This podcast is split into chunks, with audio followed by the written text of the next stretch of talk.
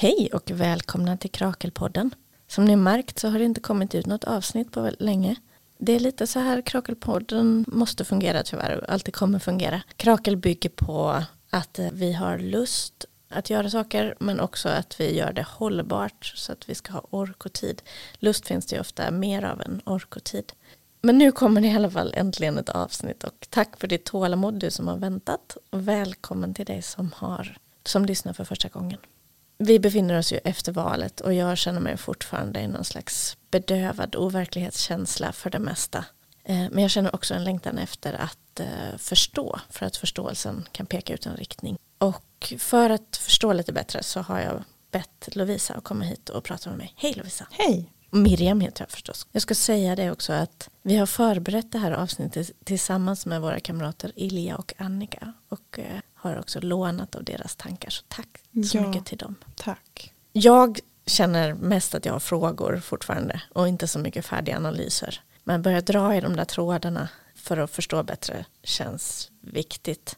Och att se det som händer nu i ett slags historiskt sammanhang ger också ett eh, utrymme att förstå det bättre och analysverktyg, tänker jag.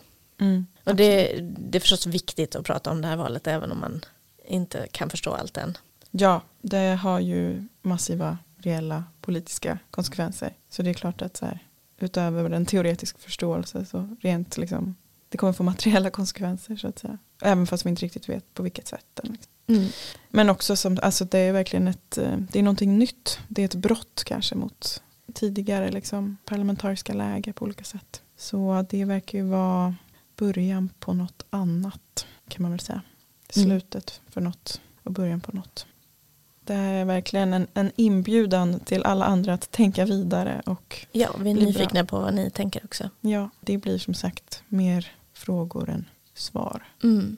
Men samtidigt så även om man är chockad i det här läget så finns det kanske också en slags förutsägbarhet. Där vi, om man bara lyfter blicken så kan vi ju ganska enkelt se att vi har levt i decennier av nyliberalism som har frätt sönder välfärden och den liberala demokratin. Och den liberala demokratin är ju också skadad därför att det inte går att styra samhället längre med hjälp av den eftersom nästan allting är privatiserat. Och den här nyliberalismen har också fött någonting som, ja, fascistiska tendenser kan vi väl säga rätt ut, mm. som är anledningen till att vi är där vi är idag. Ja, men ett liksom sätt att förstå lite grann det här är kanske att ta avstamp lite i politik versus postpolitik begreppet och sådär. Mm. Kan inte du berätta lite om det? Ja, en, en väldigt klassisk eh, föreställning om vad politik är är ju att det är en slags eh, strid mellan olika intressen. Ur en vänster eh, förståelse av världen så är en, eh, politik en strid mellan olika intressen. Ur en mer liberal förståelse av världen så är det en strid mellan olika ideologier. Många kanske tänker att det är båda dessa.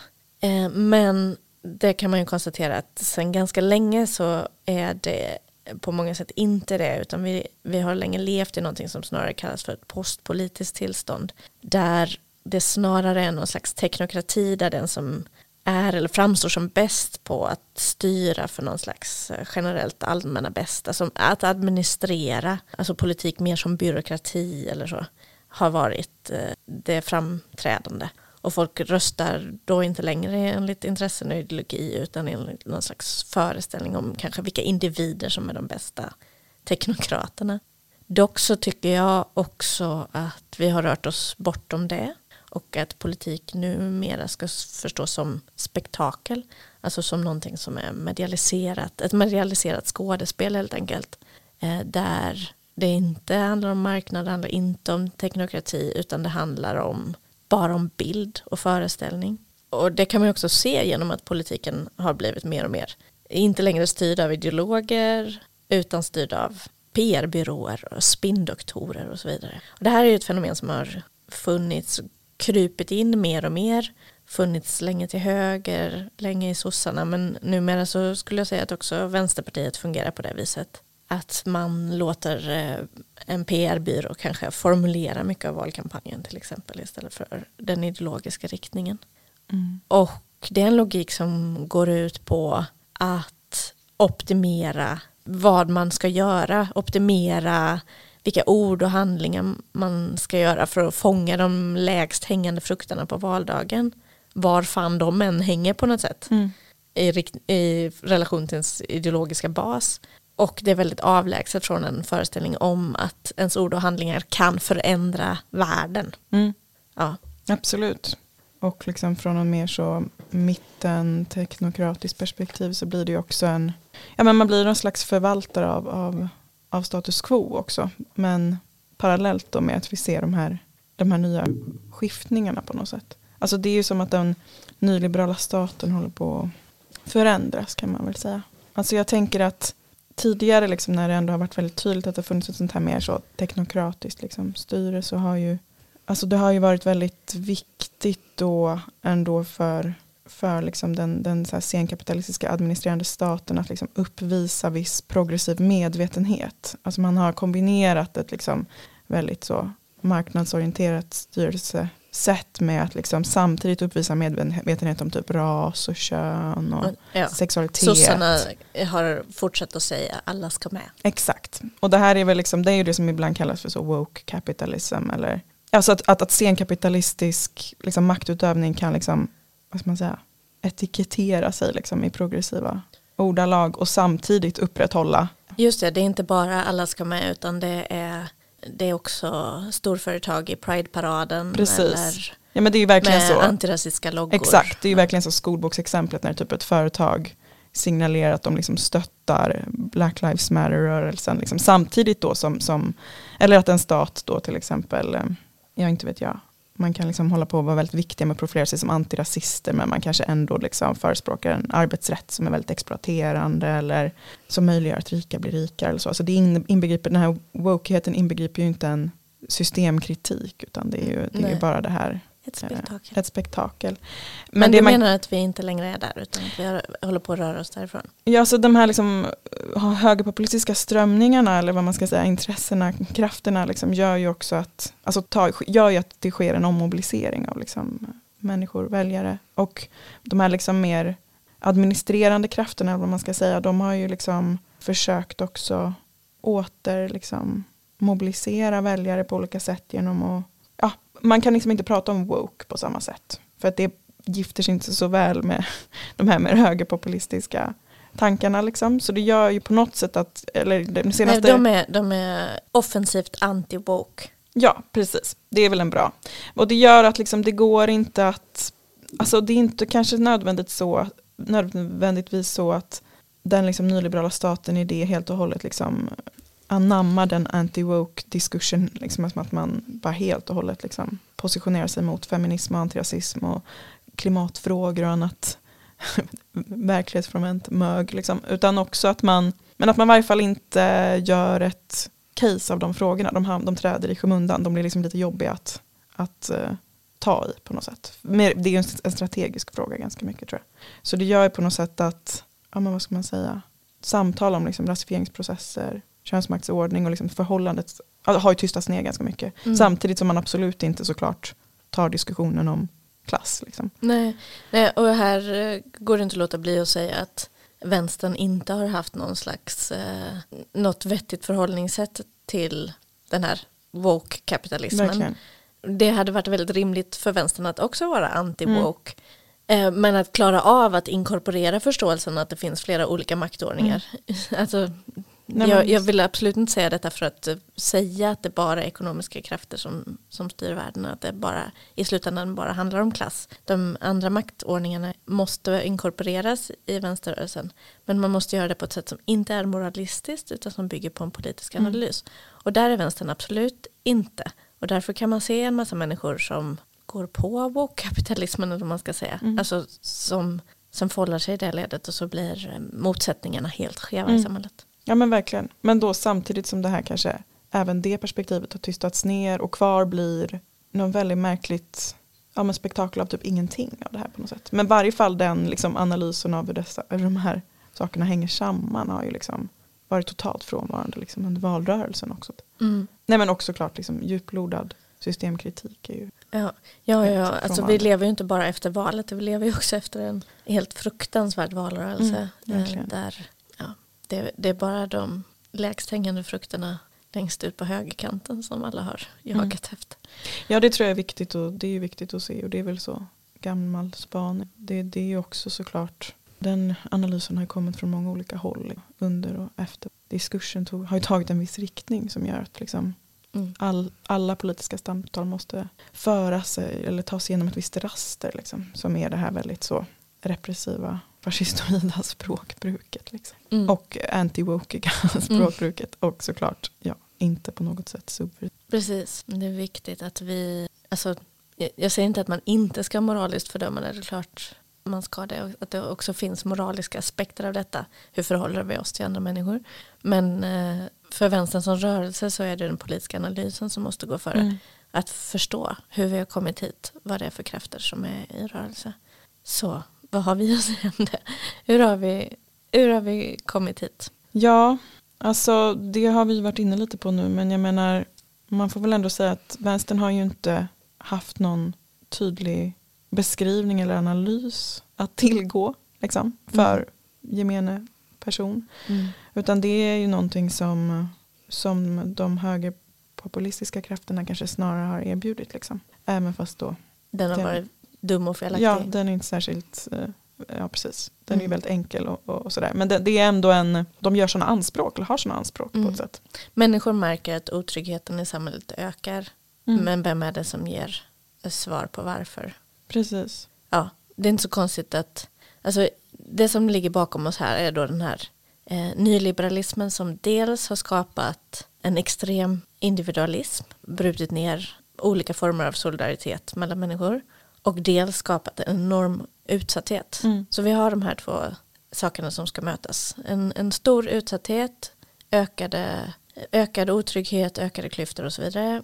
Men det finns bara individualistiska svar. Mm. Jag tror det är jätteviktigt att, att belysa att det är den liksom dubbla positionen som eller jag tror att den liksom dubbla positionen är viktig att belysa för att förstå hur vi har hamnat här. Att det är inte så att alla bara känner sig som offer utan det handlar också om att man bristen på kollektivistiskt liksom förhållningssätt eller solidariskt förhållningssätt. Att liksom enda sättet att nå lycka på något sätt är att satsa på sig själv. Liksom. Mm. Och att det är liksom det, det mindsetet i kombination med att personer upplever otrygghet till följd av liksom ABCD. Alltså att man, men enda ja, sättet AB, att sätt. Precis. Och ABCDE är där då, då kommer in svar om att det handlar om invandrare eller gatukriminella mm. eller bidragstagare eller vi har sett mm. olika varianter.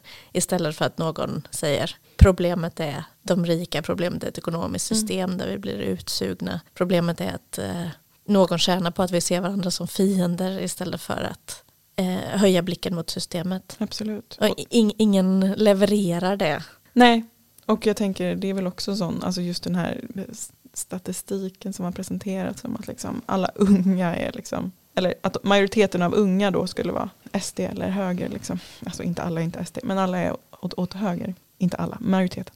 Det är också, jag tänker att det, det förklaras nog också av att man på något sätt, det är väldigt svårt att tänka sig att de är rika eller liksom att klassamhället är problemet. Därför att man har ett förhållningssätt till sig själv och sitt liv som handlar väldigt mycket om att man ska nå framgång i liksom relation till andra på något sätt. Mm. Och att man har Konkurrens och prestation. Ja, man har en möjlighet att, att nå dit liksom, mm. på något sätt mot alla odds. Eller liksom, och det som är problemet nu, eller liksom, de problem man ser, det är liksom bara hinder i vägen på, på, på den resan. Eller liksom rättigheten på något sätt att, att uh, Precis, så, vinna. Liksom. En ideologi som bygger på konkurrens och prestation, alltså ett förhållningssätt till andra människor som bygger på det, kombinerat med stora motsättningar och mm. mycket utsatthet. Mm. Lika med fascistiska ja, tendenser. Verkligen. Mm. Jag har äh, ägnat mig en del det senaste halvåret kanske åt äh, amerikansk politik. Inte på något sånt äh, nördigt sätt som många gör utan typ som humor. Därför att åtminstone kan man säga att liksom deras fascistiska tendenser är otroligt mycket mer underhållande än de vi har här. Och man kan också distansera sig från dem och låtsas som att det bara är ett spektakel. Men det som också har slagit mig då är att eh, vi har ju en självbild i Sverige förstås att vi också i den svenska vänstern att vi är långt, långt före på olika sätt. Eller en tanke om att USA är ett mycket sjukare land och så. Det finns eh, mycket i det om man ser på välfärden och så såklart. Eh, men jag tänker att om man ser den historiska utvecklingen så har USA kanske kommit längre på den väg vi befinner oss i på det viset att eh, motsättningarna är mer lagda i dagen. Den här centristiska eller det här postpolitiska tillståndet. Ja, det finns de som eh, desperat kämpar för att hålla kvar det. Någon slags, ja men demokraterna, stora delar av demokraterna sådär. Vilket eh, går väldigt dåligt. Mm. Medan däremot de som på tydligare sätt talar om problemen som de upplevs för, för människor istället för att bara försöka behålla status quo det där rörelsen och dynamiken finns. Och den finns ju där också till vänster. Mm. Där kan Bernie Sanders sitta i en av tvs största kanaler och säga att det här handlar om kapitalismen. Mm. Där han, vi måste beskatta de rika, vi måste göra någonting åt storföretagen som suger ut oss. Mm. På ett sätt som eh, Nooshi inte gör, Nej. kanske inte heller kan göra då. Nej men visst, det, det är ju verkligen eh, intressant. Jag mm. tänker, ja, alltså det finns skärpta motsättningar innebär också, det innebär faror, men det innebär också möjligheter. Mm. Mm. Jag tror, det tror jag absolut. Och eh, det är nog ändå viktigt att ja, på något sätt komma ifrån. Alltså jag, jag uppfattar att många har haft någon sån.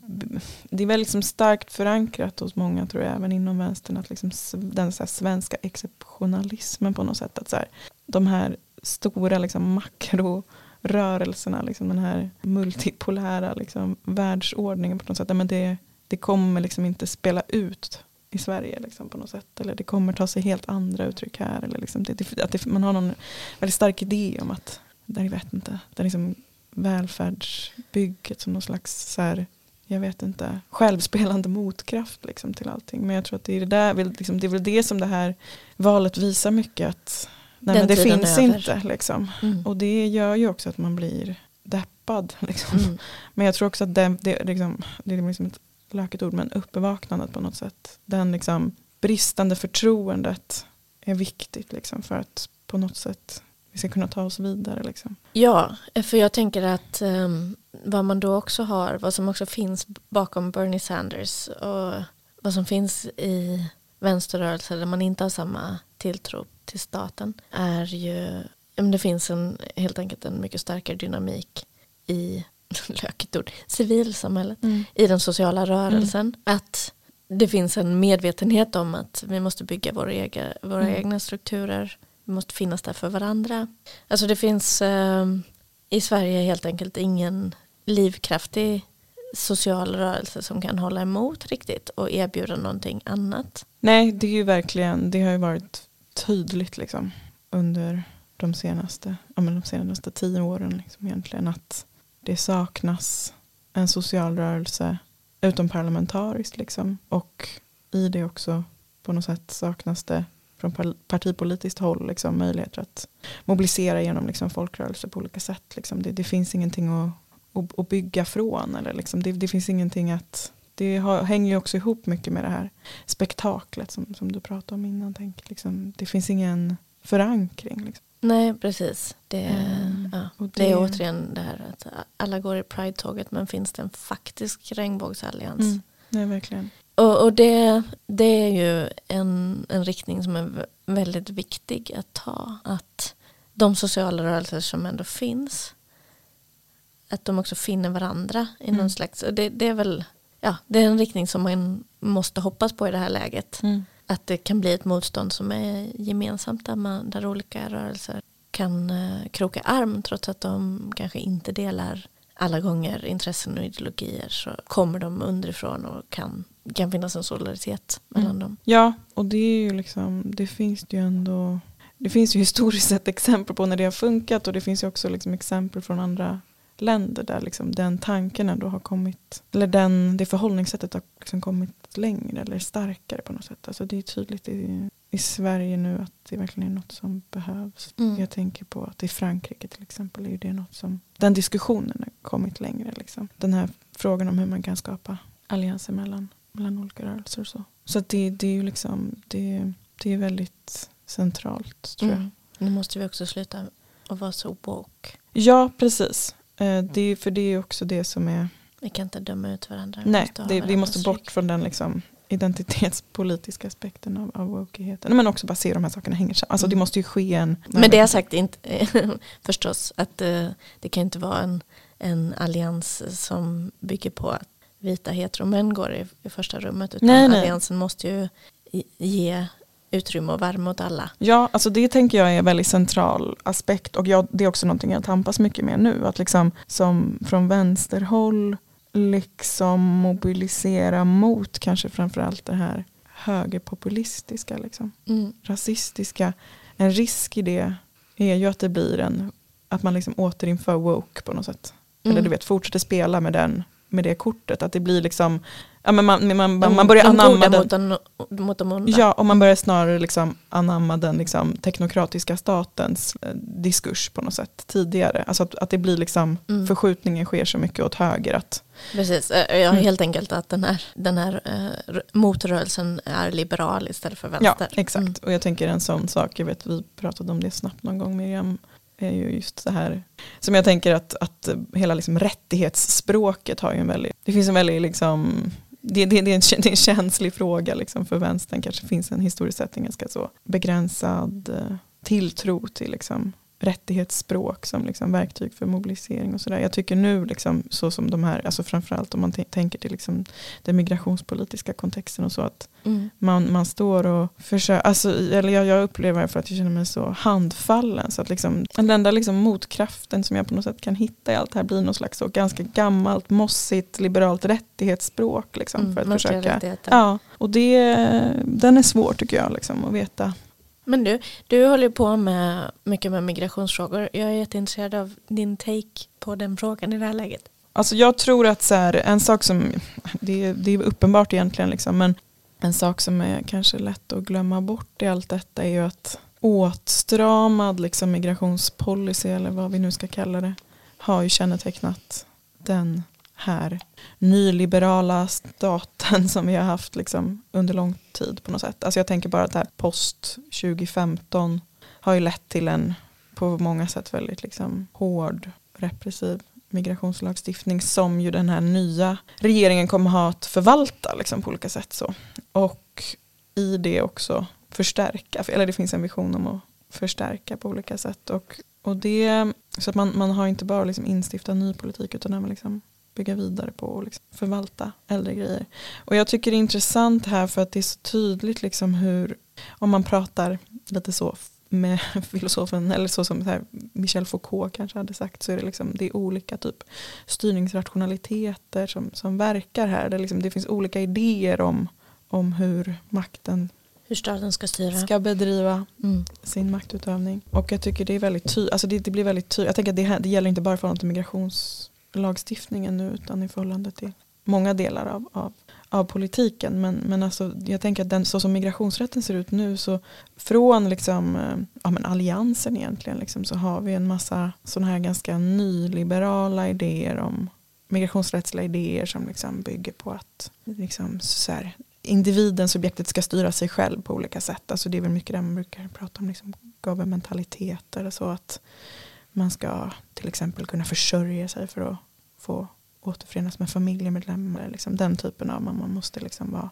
duktig på olika sätt. Primat för arbetsmarknaden. Exakt. Samt, så det är ju en tydlig del fortfarande tänker jag migrationspolitiken som, som kommer förvaltas ytterligare. Det här är ju någonting som, som både liksom Moderaterna och SD och så här vill förstärka liksom på olika sätt. Men också har vi den här liksom, eh, Foucaults begrepp biomakt kan vara ganska liksom användbart här också tänker jag. Alltså den här idén om att det inte liksom bara den enskilda individen som ska styras utan liksom hela nationen som någon slags organism eller massa ska styras. Och det har vi också så himla mycket så här övertydliga exempel på eh, från, liksom, ja, men inte minst från valrörelsen. Liksom. Alla de här exemplen på att, liksom, ja, men att man vill typ så begränsa, eller att den här idén om att liksom, sociala problem på något sätt föds ur stora delar av liksom, populationen på något sätt. Alltså personer som inte anses tillhöra Sverige som någon slags föreställd gemenskap. Alltså allt, alla de här exemplen om att man ska liksom ADHD-testa barn, man ska Alltså det, det är bara, det, det finns Språktesta språktesta tvååringar. Det finns väldigt många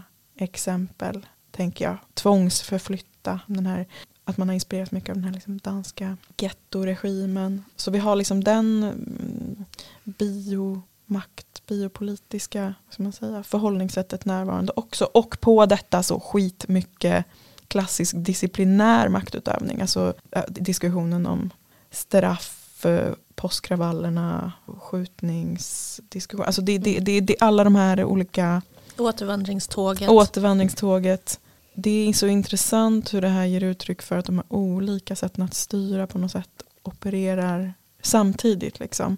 Och jag tycker det är väldigt, liksom, jag känner mig väldigt eh, rädd för det tror jag. Eh, jag tycker det känns väldigt obehagligt.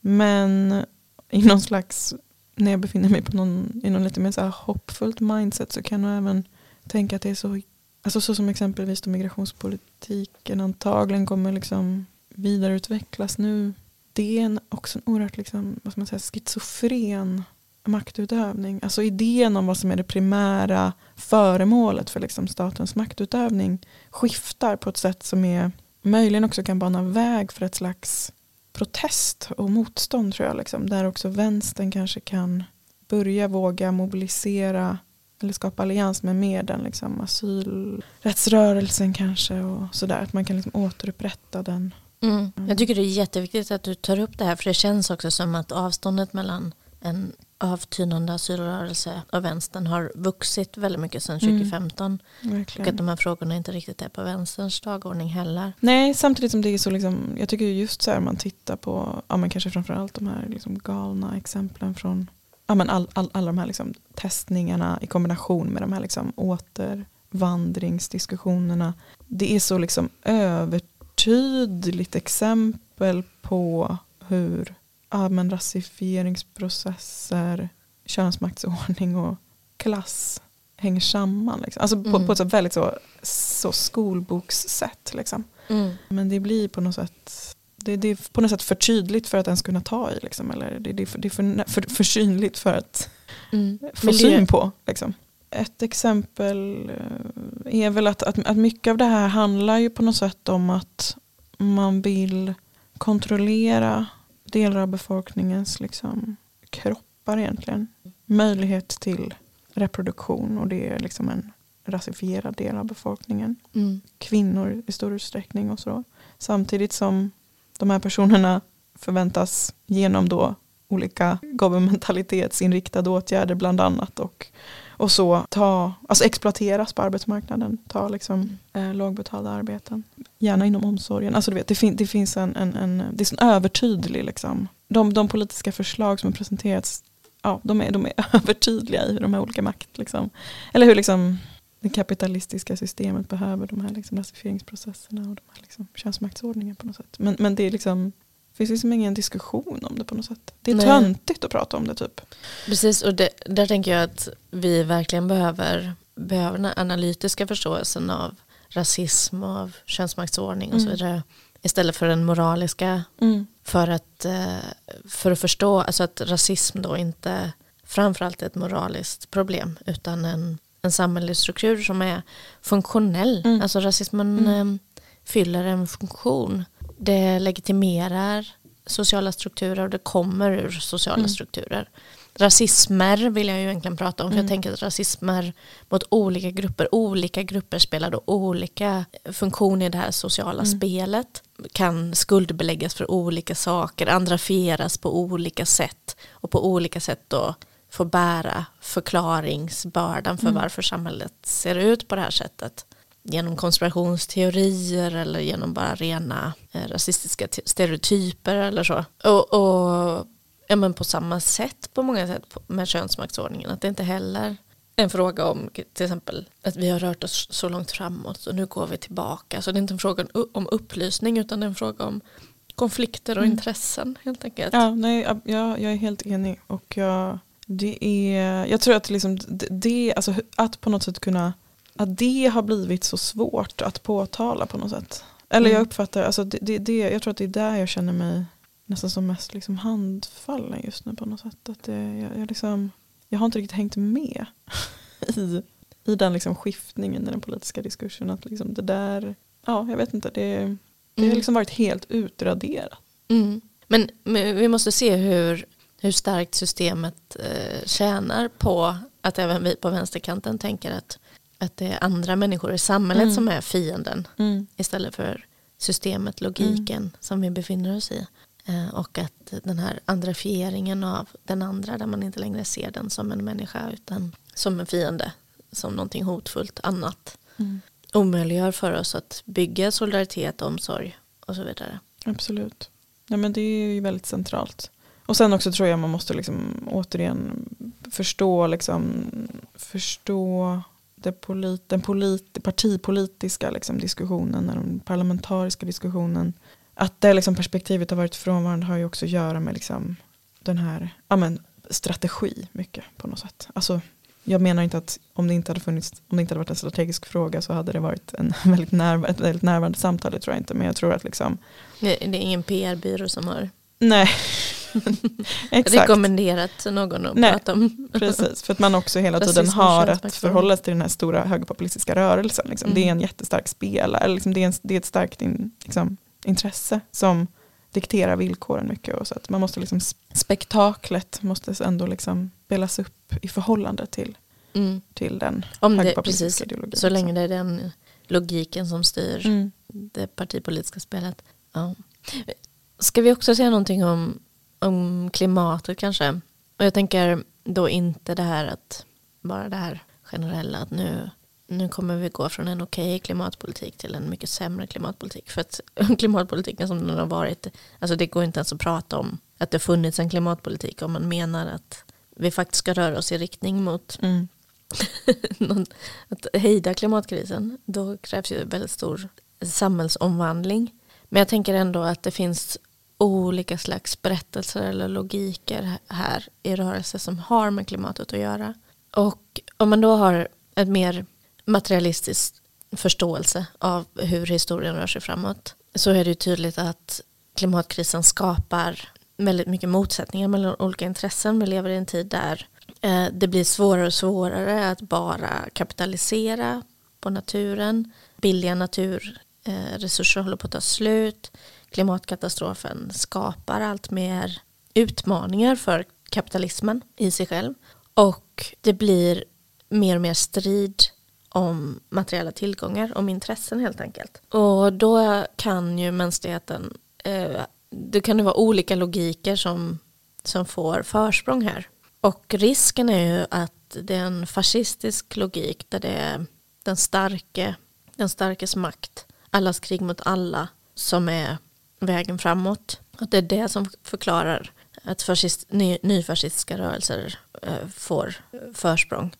För att de helt enkelt erbjuder en slags eh, skydd av ens intressen. För att det, det går inte heller att förneka att även om vi som mänsklighet såklart vinner på att eh, kunna hantera klimatkrisen som ett kollektiv så är det en massa enskilda individer, särskilt i västvärlden, som förlorar på en så solidarisk eh, handling i det korta loppet. Mm.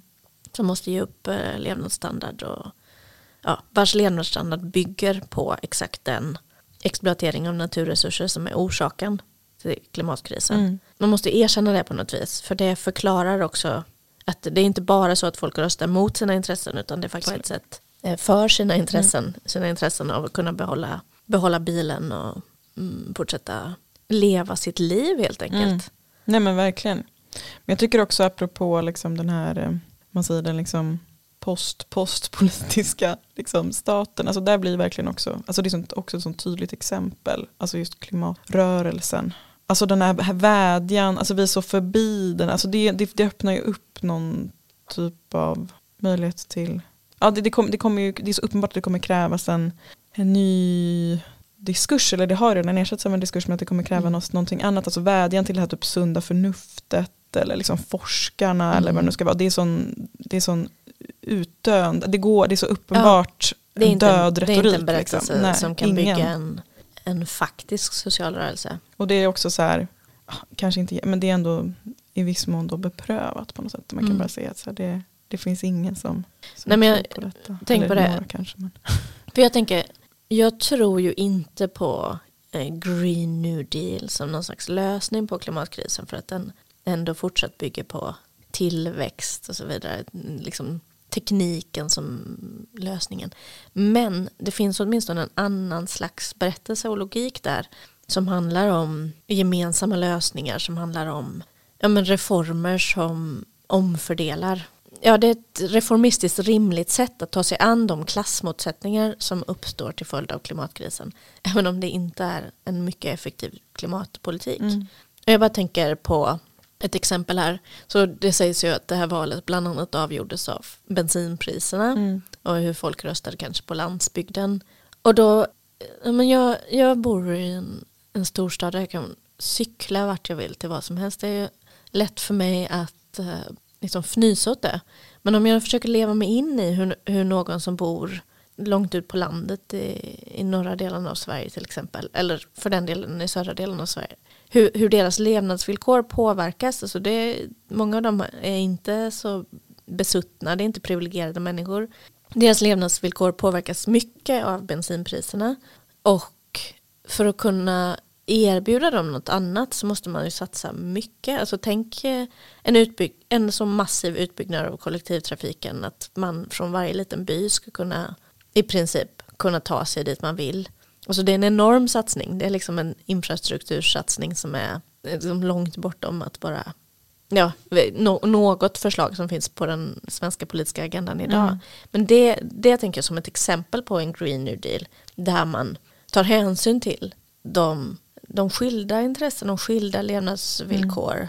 som de som är arbetarklass eller fattiga eller så eller lever med på olika platser mm. i vårt mm. samhälle. Nej men det är ju absolut en viktig poäng och jag tänker att det också kopplar an till den här liksom eh, bristen på vänstermobilisering. Liksom. Alltså att det inte har funnits så mycket motkraft att tala om. Så det gäller ju, det är lätt att så, både du och jag bor i storstäder. Det är lätt att, jag vet inte. Det, det är också någonting som har på något sätt, tänker jag, påverkat mm. valutgången. Också, att det alltså, saknas Verkligen. Vänsterpartiet har ju gjort någon slags försök att bedriva valrörelse på landsbygden mm. som eh, Nooshi har gått runt mm. i fåniga hattar på arbetsplatser. Och, ja, de har gjort det då inte enligt någon slags eh, djup ideologisk förståelse utan efter vad PR-byråerna mm. har sagt antar jag. Men det är ju att bedriva valrörelse är inte samma sak som att presentera ett, ett utopiskt politiskt Nej program för landsbygden som faktiskt, eh, ja, eller för hela Sverige som bygger, som, som bygger in dem, tar hand om de motsättningar som mm. uppstår. Nej men och också så här, i brist på liksom, alltså, nu vill inte jag så här, jag, jag vill inte så säga vad som exakt finns och inte finns liksom, eh, på landsbygden så men det finns, alltså jag tänker att liksom, den här liksom försvagningen av liksom vänsterrörelse gäller ju även på landsbygden. Alltså det gör ju också, tänker jag, alltså det, det, får, det, det, förklarar ju på något sätt de här ganska fåniga sättet från Vänsterpartiet att liksom ta sig an den här frågan också på något sätt. Att det finns liksom ingen Ingen sann representation. Nej, och ingen, ingen, liksom, nej men precis, ingen, ingen mobilisering att, att utgå från. Liksom. Eh, att skapa förslag utifrån på något sätt. Så det blir mm. mer någon, någon ja. Mm. Precis, så om man, eh, om man sätter den här linsen att liksom de här fascistiska tendenserna kommer ur utsatthet, motsättningar å ena sidan och ett skapande av, en av ett subjekt som bara ska konkurrera och, och vinna på bekostnad av andra. Å andra sidan så är det ju, det är ju, det är ju med, med det i bakhuvudet som man måste eh, bygga en, en sån dels mobilisering och, och dels en sån politik. Mm. Att det är de sakerna man måste göra någonting åt. Mm. Alltså istället bygga på, bygga på omsorg för alla, solidaritet och minska utsattheten och motsättningarna. Mm. Ja, det är ju helt enkelt det som välfärden generellt alltid har gjort. Mildrat de konflikter som en råare kapitalism skapar i mm. samhället. Och eh, det förändrar ju inte samhällets um, strukturer i grunden men det bygger ett utrymme för någonting annat än en fascistisk respons. Mm, absolut, jag tror det är centralt. Men det är ju liksom, det är ändå en tanke som man återkommer till ganska ofta tycker jag nu. Särskilt kanske, jag vet inte om jag liksom har hakat upp mig på det här med de ungas liksom, politiska sympatier eller så statistiskt. Men att det här indoktrineringen i den här liksom nyliberala liksom, Foucauldianska kompetensmaskinen som, som unga liksom är. Att så här, det, det, det, är i kombination med liksom, den här ökade missnöjet. Alltså, hur, hur, hur skapar vi, hur, hur, hur, liksom, hur kan man, hur kan man liksom styra sin hjärna åt ett annat håll? Förstår du vad jag menar? Mm. Man är liksom så marinerad i detta. Och det är Mm. många. Det kanske leder oss mot frågan vad, vad kan vi göra? Ja. Hur ska vi agera på den här? Ja, det eh, är ju en stor fråga. Men jag tänker att det ligger jättemycket i det du säger att man måste förstås utmana, vi måste utmana, vi som faktiskt finns i rörelsen, måste utmana den här internaliserade produktiva kompetensmaskinen, är det Mm. det du brukar säga, Mm. i oss själva och skapa utrymmen som är varma, som präglas av omsorg, som Mm. är något annat. Jo, det, är liksom, det, det blir väldigt tydligt på något sätt för mig hur så, sådana liksom vårdande, så där, vad man säga, snälla, trygga politiska liksom, motkraftsrum. Alltså det finns något väldigt subversivt i det. Alltså Mm. bara för att liksom på något sätt möjliggöra andra sätt att tänka. Liksom. Alltså det, det, behöver inte allt, alltså det behöver inte vara bara att ge sig ut på gatan mobilisering. Liksom, utan det finns något väldigt subversivt i att bara så försöka lära om Mm. ett förhållningssätt. Liksom. Ja, Mm. alltså på, på ett sätt så måste vi ställa oss frågan förstås, hur är man en relevant socialist i Mm. den här situationen där ojämlikhet, katastrofer, utarmning står för dörren och att den ekonomiska, ekologiska och ideologiska ordningen som vi har känt den är i kris. Mm. Och det finns ju inte ett svar på det. Nej, nej, Det- alltså verkligen. Det tycker jag är också viktigt att säga, en liten en, eh, maxim som jag förhåller mig till väldigt mycket. Att eh, den här rörelsen måste bestå av väldigt många olika sätt att göra saker på. Mm. Den parlamentariska grenen behövs också. Den behövs för att försvara de landvinningar som redan är vunna. Mm. Jag tror inte att den kan användas för att kanske utvidga dem särskilt mycket mer än på marginalen. Mm. kan inte förändra samhället i ett läge där den liberala demokratin är så satt ur spel Mm. av nyliberalismen. Men den kan eh, hålla fortet Mm. Och därmed också skapa, skapa utrymme för andra saker. Mm.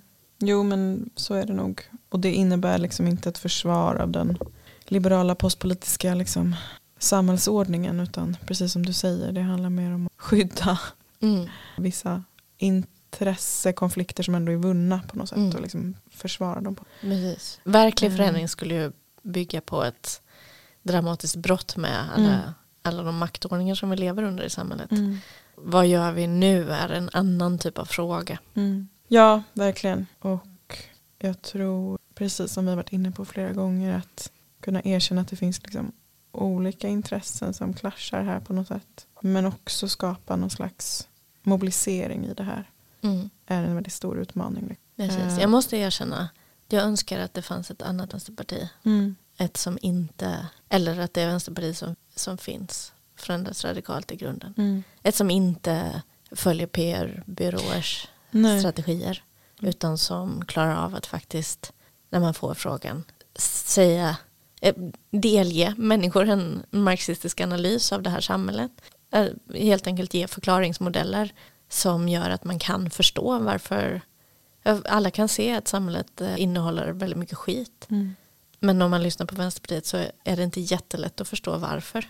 Nej. Nej men det där är ju, jag har också funderat mycket på det. Hur ett liksom sånt på något sätt alternativt vänsterparti skulle kunna se ut och hur det skulle kunna liksom mobiliseras på något sätt. Och det är klart att det krävs att man ja, helt enkelt vågar släppa idén om att man ska bara helt, hela tiden anpassa sig till den här liksom centristiska ordningen eller vad man ska säga. Att det ska vara liksom Man ska verka som- rimlig i Ja. spektaklet så som det att det, utspelar sig. Mm. det måste man ju släppa på Mm. den idén. Och kanske också våga hitta, ja jag vet inte om det kan ske liksom inom ramen för nuvarande vänsterparti eller om det också krävs liksom att man riktar blicken ut också till andra delar av den utomparlamentariska liksom, Mm. rörelserna men också tänker jag att det finns progressivare, vad man nu ska använda, krafter, alltså mindre nyliberala krafter och idéer också inom även den parlamentariska liksom, klimat Mm. alltså det, Miljöpartiet och så här, det finns ju. Men, men frågan är hur man ska göra liksom, ja, Ja. jag vet inte. Det är, Nej, alltså jag tänker oavsett så måste man bygga, bygga underifrån. ja. Kanske inte kan finna en lösning på, på makronivå. Eller det kanske inte heller är vår roll att göra det. Utan det är den, den sociala rörelsen bygger sig också underifrån. Ja, Mm. Det är ju väldigt centralt och jag tror att liksom, det är väl det som, apropå ditt exempel från liksom den amerikanska kontexten och så, det är ju väldigt viktigt att betona att en stark vänsterrörelse måste den parlamentariska liksom, kontexten förhålla sig till på olika sätt. Och en försvagad sån rörelse gör ju också att, Att den blir försvagad. Mm. Ja. Bernie Sanders kan också sitta i amerikansk tv och säga sådär för att Mm. han har en stark rörelse bakom sig. verkligen. Men jag tänker också att vi måste, vi, det har jag tänkt länge och säkert sagt tidigare i den här podden, att vi måste också börja tänka på vårt rörelsebyggande på ett nytt sätt. Det handlar inte bara om att påverka den parlamentariska politiken, påverka makten, utan det handlar också om att bygga, bygga själva, Mm. bygga, bygga e, eget utrymme, Mm. bygga solidar, solidaritet, bygga egna rum Mm. när inte välfärden längre finns för att plocka upp det. Mm. Alltså ett eh, omhändertagande rum. Mm. Ja, och jag, jag menar i det, alltså att börja tänka på samtiden i de termerna gör nog också att man kan få syn på liksom nya möjligheter och Mm. så. För att det, det känns ju inte särskilt konstruktivt att så, här, så aktivt förhålla sig till ja, men den partipolitiska situationen. Ja, och, makronivån. Ja, Ja. och heller inte liksom, alltså det är lätt också att gå in i någon sån här nostalgisk vurm liksom, och tänka Mm. på att man ska återupprätta någonting som varit eh, och så vidare. Och det, Mm. Men Det om man tittar runt sig så finns det istället mycket mer kreativa sätt att eh, ta sig framåt för att bygga ja, men, grann, ett grannskap som Mm. tar hand om varann. En lokal förening som fyller behov för de som bor i området. jag tror liksom den typen av, eh, eller det, det perspektivet också, att se möjligheterna verkligen mer på, på liksom närmare lokal nivå.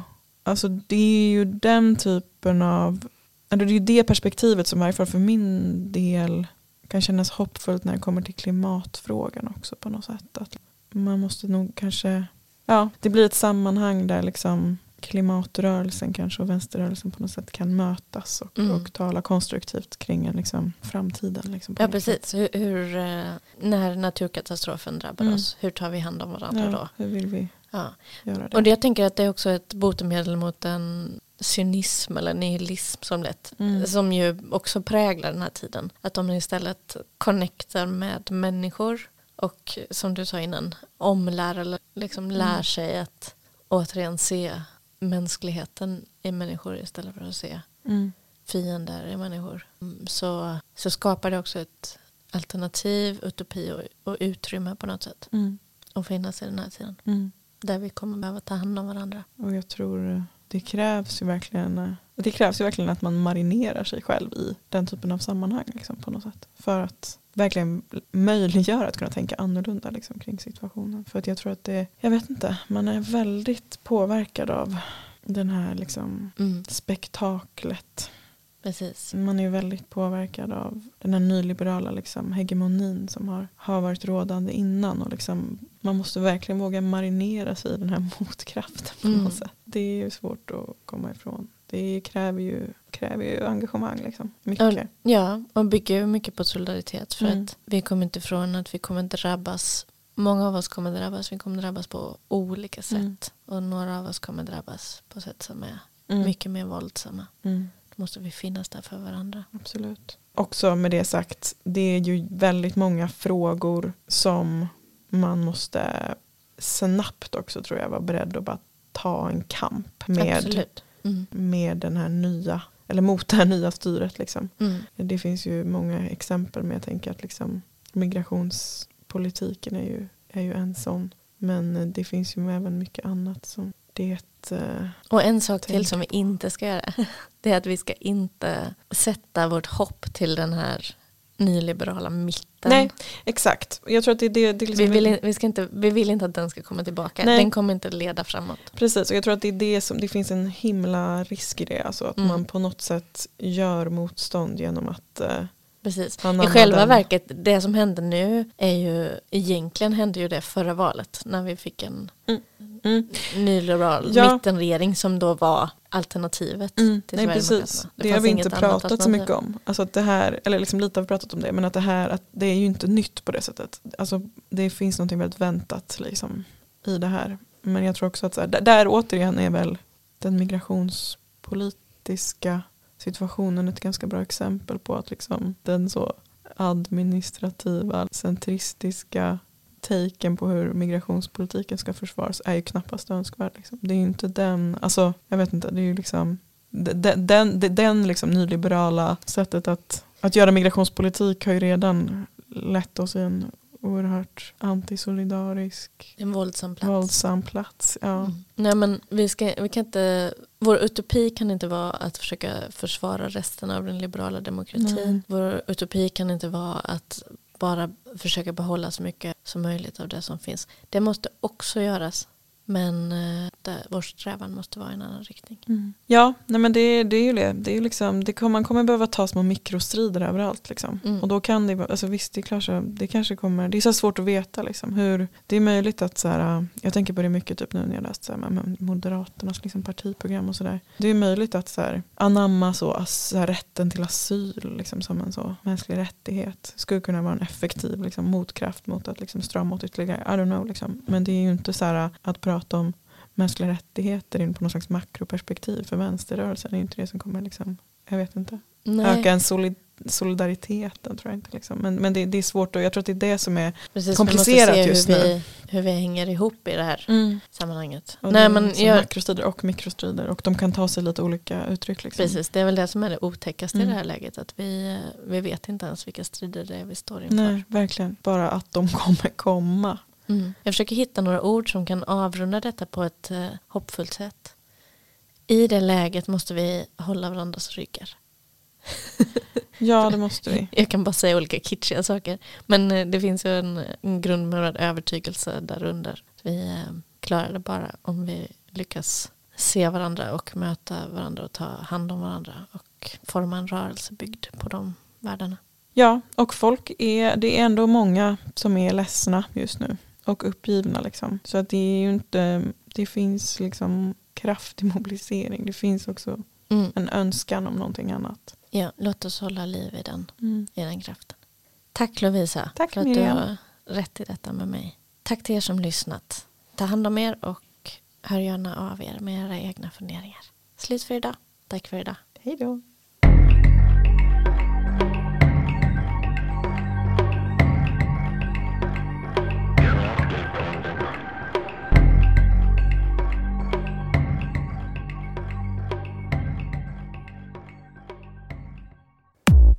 Du har lyssnat på en podcast som görs i samarbete med ABF Malmö.